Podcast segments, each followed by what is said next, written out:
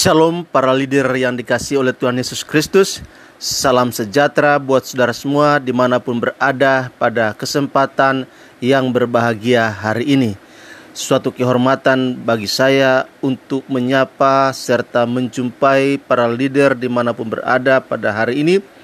Doa dan harapan saya kiranya para leader ada dalam keadaan yang sehat, dalam keadaan yang diberkati oleh Tuhan, penuh antusias dan senantiasa terlindungi dari wabah virus corona ini.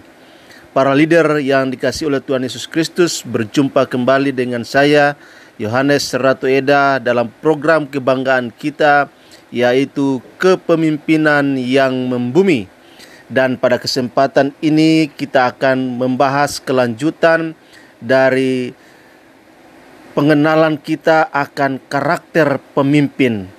Para leader yang dikasih oleh Tuhan Yesus Kristus, pada kesempatan ini kita akan membahas bagian yang kedua dari kualitas karakter sebagai seorang pemimpin. Dalam Sesi yang pertama saya sudah membahas dua karakter yang harus ada pada seorang pemimpin yaitu pemimpin harus punya pendirian yang teguh dan yang kedua pemimpin juga harus punya karakter jujur dalam pelaksanaan tugas kepemimpinannya.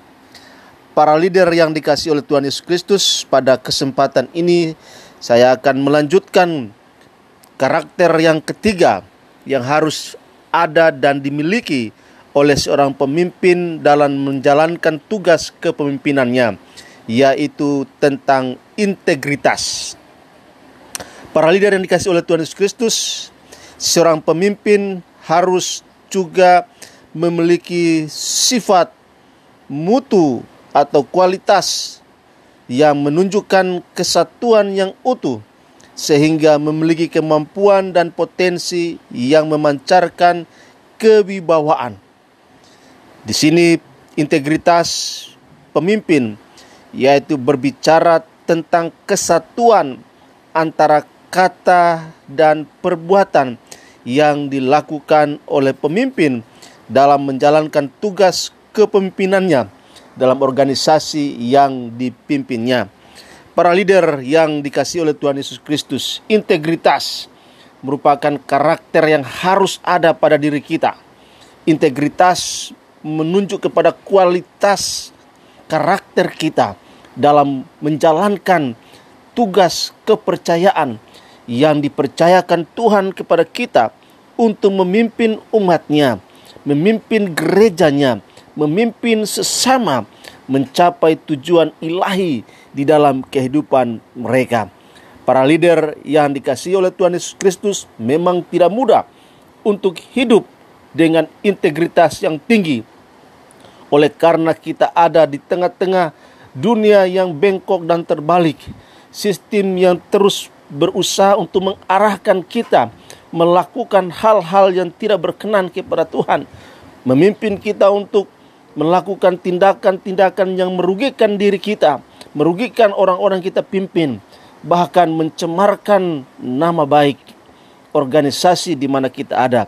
Oleh karena itu, integritas menjadi kualitas karakter yang dicari dan harus ada pada diri seorang pemimpin. Para leader yang dikasih oleh Tuhan Yesus Kristus, kita harus mengetahui sejauh mana karakter kita bertumbuh dan berkembang dalam hal integritas. Ini menjadi tolok ukur kualitas kepemimpinan kita. Para leader yang dikasih oleh Tuhan Yesus Kristus, karakter selanjutnya yaitu proaktif.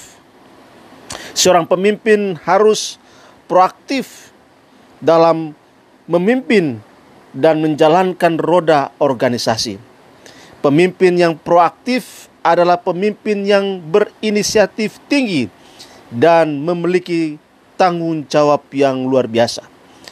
Pemimpin harus menjadi pemimpin yang sangat mandiri dan selalu berpikir maju lebih cepat dibandingkan orang lain.